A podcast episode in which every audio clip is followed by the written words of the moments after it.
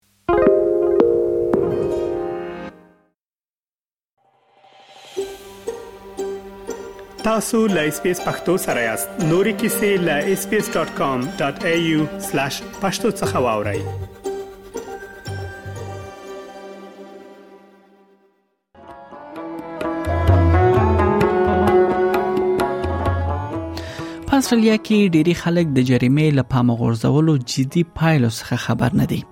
د اضافه فیسونو څخه ساسو د موټر چلولو جواز تعلیق یا حتی ساسو شخصي ملکیت ضبط کولو پورې اغیزه د پام وړ کېدای شي په مقابل کې ژر عمل کول او د اړتیا په صورت کې مرسته ترلاسه کول کولای شي غیر ضروري ستونزې او لګښتونو څخه تاسو خوندي وساتي په دې اړه بشپړ رپورت لرو لمن سره اوسئ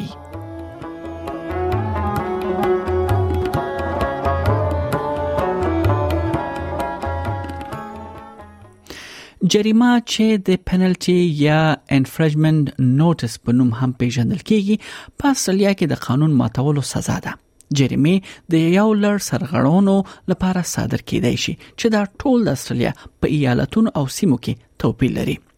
ترافیکي قوانين ماتول پارکینګ یا موټر درولو ناسم ځای کې یعنی د موټر درول او د لپاره جریمه کیدل او د ترانسپورت اړوند جرمونه تر ټولو عام سرغړونې دي چې جریمه لاج را راجلبوي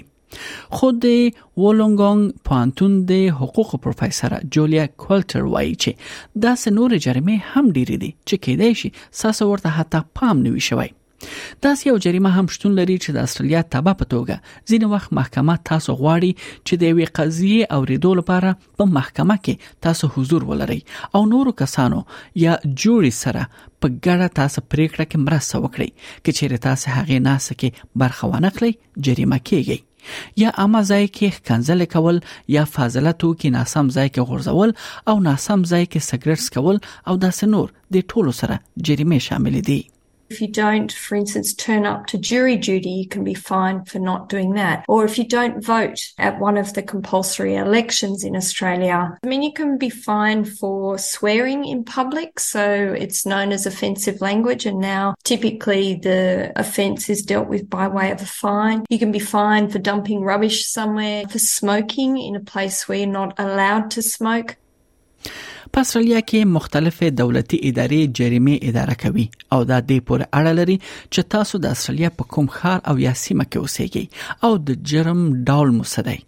ځکه د قانون پلي کولو پروسه هم ممکن توپیر ولري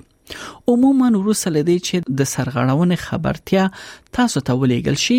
هغه فرد د اختیار لري چې جریمه ورکړي یا د اړوند ادارې څخه د بیا کتنې غوښتنه وکړي او یا د هغې جریمه سرنګواله محکمې کې وننګوي مګر ډاکټر کولټر وایي چې ډیری خلک باید محکمې ته د تلو پریکړه کولو د مخه دوی باید خپل وضعیت په دقت سره پام کې ونیسي یعنی که چیرې کومه قانوني سرغړونه وکړي او هغه جریمه ورکړي نو دا مسله حمل ته ختميږي او تاسو کوم جنایي جرم نه ثبت کیږي ولې که چیرې تاسو محکمې ته مخه کړئ او محکمه تاسو هماغه جریمه لپاره محکوم کړي نو بیا دا تاسو جرم په توګه پر ریکارډ کې ثبت کیږي fine is actually a criminal offence. And so if you pay it off, it doesn't go on your record. But if you elect to deal with that in court and it's upheld, then that forms part of your criminal record people don't actually realize that. So sometimes people think, oh, it's outrageous that I've been issued this fine. I'm going to contest this in court. But most of the offences for which fines are issued are very hard to argue against. کریسټي هرسن د لیګل ایډ نیو ساوت ویلز برخه کې وکیل ده او د جریمو برخه متخصصه هم ده هغه وایي چې په محکمه کې د یوې مسلې حل کول د اضافي لګښتونو او سختو جریمو لامل هم کېدای شي هغه وایي د محکمې د تک څخه مخکې باید حقوقي مشوره ترلاسه کړئ people should get legal advice before they court elect. There are strict time limits that apply, so don't delay. People who are on visas should certainly get legal advice before they court elect because if they're not successful in court, a conviction can be imposed and that conviction may breach the behavioural conditions of their visa. د جریمو پیسو ورکړې تاریخ ختمېدو وروسته هغه لمنځه نزي ممکن یا د جریمې نا وخت ورکړي یا ورکړې لوجه پر تاسو دا جریمه لا نور هم ډیر شي یعنی رقم یې لوړ شي هغه دولتي اداره چې ساسو په ایالت یا سیمه کې د جریمې راټولولو مسولیت لري کولای شي ساسو جریمې ورکړې لپاره تاسو ته د اسانتیا جوړ کړي ترڅو په قسطونو کې دا جریمه ورکړي او دا اختیارونه ولري په نیو ساوت ولز ایالت کې د بیلګې په توګه افراد کولای شي چې د تادیه پلان لپاره د ریونیو ان اس دبليو ته درخواست ورکړي یا کېدای شي هغه شخص جریمه ورکړي یا ورکړه لپاره نور اختیارونو لپاره هم وړوي اغله هریس دا روښانه کوي there are a number of alternative kind of resolution options like payment arrangements, like work and development orders, like write off applications. There are a number of ways that people can get help. So I guess a key message is don't ignore the fine or don't ignore your fines. Either contact your local community legal centre or law access if you're in New South Wales and ask for some help. په داسې حال کې چې د نه تادیه شوی جریمې لپاره ممکن په قضایي برخو کې حکمونه توپیر ولري ولې جریمې نه ورکولو لوجه د قانون پلي کېدلو کې کېدای شي ځینې داسې ګامونه هم شامل وي لکه ساسو د ملکیت ضبط کول یا ساسو د بانکي حساب څخه د پیسو کمول د غلار چاره ټول پکې شتون لري ګریګ هاورد وکټوريا ایالت کې د جریمو ورکړې څنګه سرپرست مرسیال دی نوموړی ځینې پایلې په ګوته کوي چې یو جریمه شوی شخص ممکن ورسره مخ شي هغه وایي که تاسو تادیه کولو کې پات راغلی فیسونه به نور هم پر اضافه شي د جریمې نه ورکولو په صورت کېدای شي ساسو موټر ضبط شي او یا مو د موټر چلولو لایسنس بند شي So if you fail to pay the fine, fees will be added. Those fees will depend upon the nature of the underlying fine, so they differ. But it does mean you now have to pay more.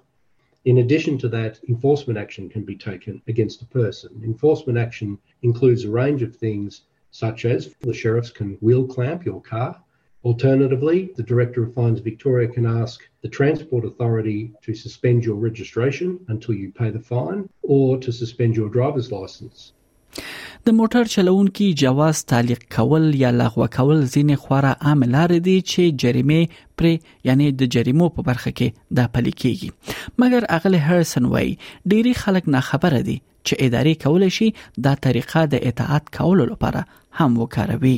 a common misconception around fines in New South Wales is that if you don't pay your fines and your fines go into enforcement, revenue has powers to impose sanctions upon you, like driver license sanctions or garnishing your bank account that can happen for all types of fines. So you could be fined for not voting and then not pay that fine and then have your license suspended even though you were fined for an offence that's not related to driving. د جریبې نو ورکړې اغیزې په ځانګړي توګه د ځوانانو لپاره د پام وړ دي ځکه چې دوی نشي کولای د زکونکي جواز لپاره دوی بیا غوښتنه وکړي یا د موټر چلولو ال جواز ته دوی غوښتنلیک ورکړي او هم د موټر زکړې کورسونه نشي اخیستلای In Australia, the fine system is such that anybody can pay off somebody else's penalty notice. For instance, in relation to young people, it may be that a parent takes on the responsibility of paying that fine for the young person. Now, of course, this has real hardship effects where the young person doesn't live in a situation where a fine can be simply paid off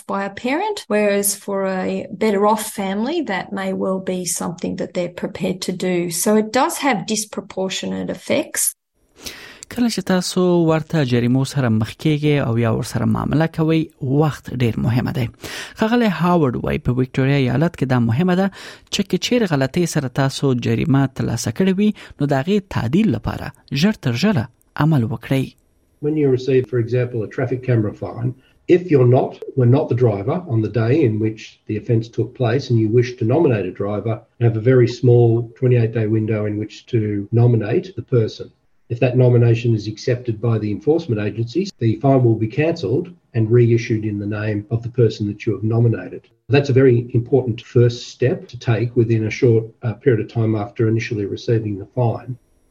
ښاغلی هاورد د سرغړونې خبرتیا باندې سمدسي عمل کولو وړاندیز هم کوي یا پرته لدی چې تاسو په بشپړ ډول جریمه تادیه کوي د سیالي کولو هڅه وکړي یا غلطي یا هغه غلطي چې شوی وي هغه سم کړي یا که تاسو اړتیا لرئ د مالی ستونزو لامل اړوند دولتي ادارو سره د بدیل حل یا تادیه اختیارونو په اړه باندې هم بحث وکړي Ignoring a fine is not a good idea. Fines do not expire. and they'll continue to be enforced indefinitely. The fine increases in size the longer it's left, and the type of action that can be taken increases whilst the options decrease.